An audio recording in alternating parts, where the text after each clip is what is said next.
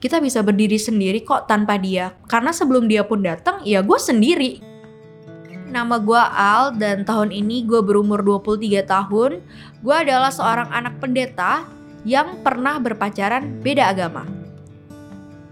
Gue ngerantau dari Surabaya ke Tangerang, terus gue kenalan nih sama satu cowok yang di mana dia juga orang Surabaya. Waktu ketemu sama dia gue seneng banget gue ngerasa gue bisa ngobrol pakai bahasa Jawa, gue bisa ngobrol dengan santai sama dia. Hubungan kita awalnya cuman by DM, bener-bener cuman DM yang penting-penting doang dan kalau udah pembahasannya udah selesai ya udah.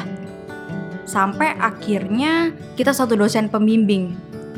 Uh, gue sama dia chat-chatan di line sampai uh, kita chattingan setiap hari udah berjalan dua bulan tiga bulan sampai rasanya tuh kayak mulai felt butterflies lah setiap kali dia ngechat gue, nanyain gue yang hal-hal simpel. Nah, di situ sih kayaknya mulai titik perubahan di mana intention gue yang awalnya mau temenan sama dia, mulai nih perlahan berubah yang kayak, oh iya ya kayaknya gue ada rasa nih, gue ada feeling sama dia. Kita akhirnya ketemu nih, ketemu for the first time. Jadi gue nanya kayak, emang lo dulu sekolah di mana gitu terus dia bilang kayak iya gue SMA di sini gitu. Dan waktu itu SMA itu sangat amat terkenal sama orang-orang Kristen. Jadi gue ngira kayak oke okay, di anak Kristen gitu. Kayak ya udah gue gas aja gue malah makin seneng nih sama nih orang kayak gitu. Sampai kita pergi makan. Dan saat makanannya udah dateng pastinya berdoa dong. Kita nggak boleh lupa berdoa dan dia tiba-tiba buat tanda salib uh, dia di depan gue gue bener-bener ngeliat dia yang kayak hah? Ini orang Katolik? Gue kira dia Kristen. Tapi gue nggak peduli. Gue tetap gas aja karena menurut gue waktu itu gue belum tahu sih arah hubungan gue sama dia ke mana. Ya kalaupun jadi pacaran ya udah kalaupun gak jadi pacaran ya it's okay. Gue masih punya temen yang seseru dan seasik dia gitu. Masalahnya adalah bokap gue sendiri adalah seorang pendeta jadi titik beratnya adalah mungkin di situ ya, karena gue nggak lepas dari keluarga yang religius dan ternyata gue harus pacaran sama orang yang beda agama.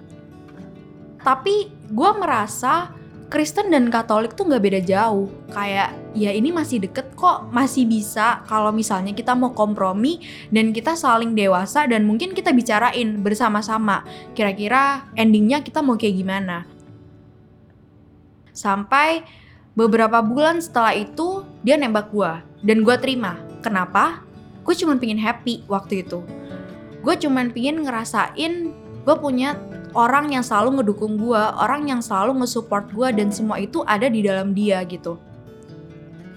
Di momen gue pacaran sama dia awal-awal gue bener-bener lupa sama yang sama hal yang namanya beda agama gue bener-bener kayak ya udah gue happy sih kok sama lu kenapa enggak? gitu. Jadi bener-bener beda agama itu nggak ada di dalam pikiran gue saat awal-awal gue pacaran sama dia. Karena hal itu makanya kenapa gue sama dia nggak pernah ngomongin tentang perbedaan agama kita. Sama sekali kita nggak pernah omongin itu. Jadi bener-bener kita ya udah jalanin aja. Mungkin mindset kita masih yang duh gue tuh sayang banget sama lo gue nggak mau pisah sama lo gitu sampai di momen mantan gue ini tiba-tiba ngejauh dari gue dan itu kayak berhari-hari. Aneh banget kan? Sampai akhirnya gue tanya sama dia kamu tahu nggak sih hubungan kita tuh mau dibawa ke arah seperti apa? Saat gue buka omongan ini baru tuh dia kirimin chat sepanjang paragraf udah kayak separagraf dia ngechat gue intinya adalah ya dia udah bicarain sama keluarganya bahwa kita berdua nggak bisa buat lanjut di situ gue bener-bener bingung harus kayak gimana karena ya emang gak ada solusinya juga sih. Karena dari gue pun gue nggak mungkin pindah agama dia pun gak mungkin pindah agama dan gue juga nggak pernah memaksakan hubungan untuk pindah agama gitu kalaupun beda agama. The day is the day kita putus akhirnya waktu gue buka omongan tentang hubungan kita mau dibawa ke arah ke mana. Ya akhirnya kita putus kita pisah tapi karena putusnya sangat amat baik-baik bisa gue bilang. Bener-bener nggak ada tengkar nggak ada apa. Baik-baik banget. Dan kita waktu itu juga sempet ketemuan after break up dan ex like kita temenan sih jatuhnya.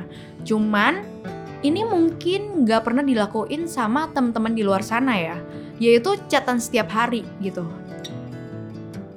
Ego gue bener-bener runtuh banget. Karena gue tuh tipikal yang gue nggak bisa nih temenan sama mantan. Kalau gue udah suka sama nih orang terus tiba-tiba kita nggak bisa bersatu ya udah. Lu bye deh dari hidup gue supaya gue bisa cepat move on. Tapi karena gue masih sayang banget sama mantan gue, ego gue runtuh. Dan akhirnya gue bilang oke okay, kita chat. Kita chat setiap hari kabar-kabaran setiap hari.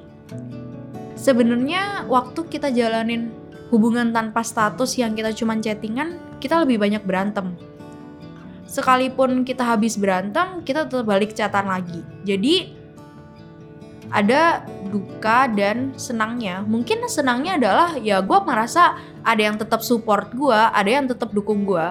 Tapi satu sisi ya dia cuma dukung gue bukan berarti dia ngasih kasih sayangnya buat gue lagi setelah satu tahun gue HTSan sama mantan gue akhirnya gue waktu itu mikir sih kayaknya mau sampai kapan ya kayak gini terus mau sampai kapan gue ngerasa gue pingin move on tapi selalu kebayang-bayang sama mantan gue tapi setelah satu tahun berlalu, gue mulai mikir dan gue mulai punya kesibukan yang lain. Jadinya gue ngerasa kesibukan gue lah yang bikin gue tuh lupa sama mantan gue. Jadi kayak sebenarnya gue sama mantan gue cuma udah perpisahan doang. Yang endingnya ya udah kita bakalan tetap pisah. Cuman kita tunda sampai dari kita berdua itu siap. Kita bisa berdiri sendiri kok tanpa dia. Karena sebelum dia pun datang ya gue sendiri gitu. Jadi ya kalaupun nanti dia pergi ya gue harusnya bisa. Dan ternyata here I am. Jadi sekarang gue lebih happy lebih jalanin hidup gue yang easy going ini. Jadi gue lebih happy setelah gue jalanin hubungan sama orang yang ternyata nggak bisa gue milikin satu hal baik mungkin gue lebih deket sama Tuhan dan jadi tahu gitu. Kayak vision gue ke depan sebenarnya ya gue emang harus berumah tangga dengan orang yang se seagama sevalue sama gue supaya gue bisa membangun rumah tangga yang kokoh buat ke depannya buat kalian yang sekarang lagi berada di hubungan beda agama menurut gue pribadi kalau misalnya case-nya hampir sama kayak gue di mana salah satu keluarga memang sudah memaksakan untuk kalian pindah dan kalian ternyata nggak nyaman akan hal itu ya lebih baik lepaskan. Karena menurut gue nggak mungkin gitu loh kita bisa menyatukan kedua keluarga yang udah berbeda pandangannya. Itu bakalan susah banget. Karena menikah bukan cuman soal lo dan pasangan lo tapi juga kedua belah pihak keluarga tapi balik lagi, kalau misalnya kalian yang berada di hubungan beda agama dan ternyata kedua keluarga dari pihak perempuan dan laki-laki masih bisa membicarakannya dan menemukan jalan keluar yang terbaik ya why not untuk kalian teruskan. Tapi saran gue adalah jangan pernah memaksakan kehendak lo ke seseorang itu karena ya siapa sih yang mau dipaksa gitu. Jadi ya pilihlah hal yang membuat kalian nyaman dan bahagia. Semua orang pasti punya permasalahan hidupnya masing-masing. Kalau kamu, gimana caramu menghadapinya? Boleh banget nih, submit ceritamu dengan klik link di description episode ini. Kami tunggu ceritamu ya.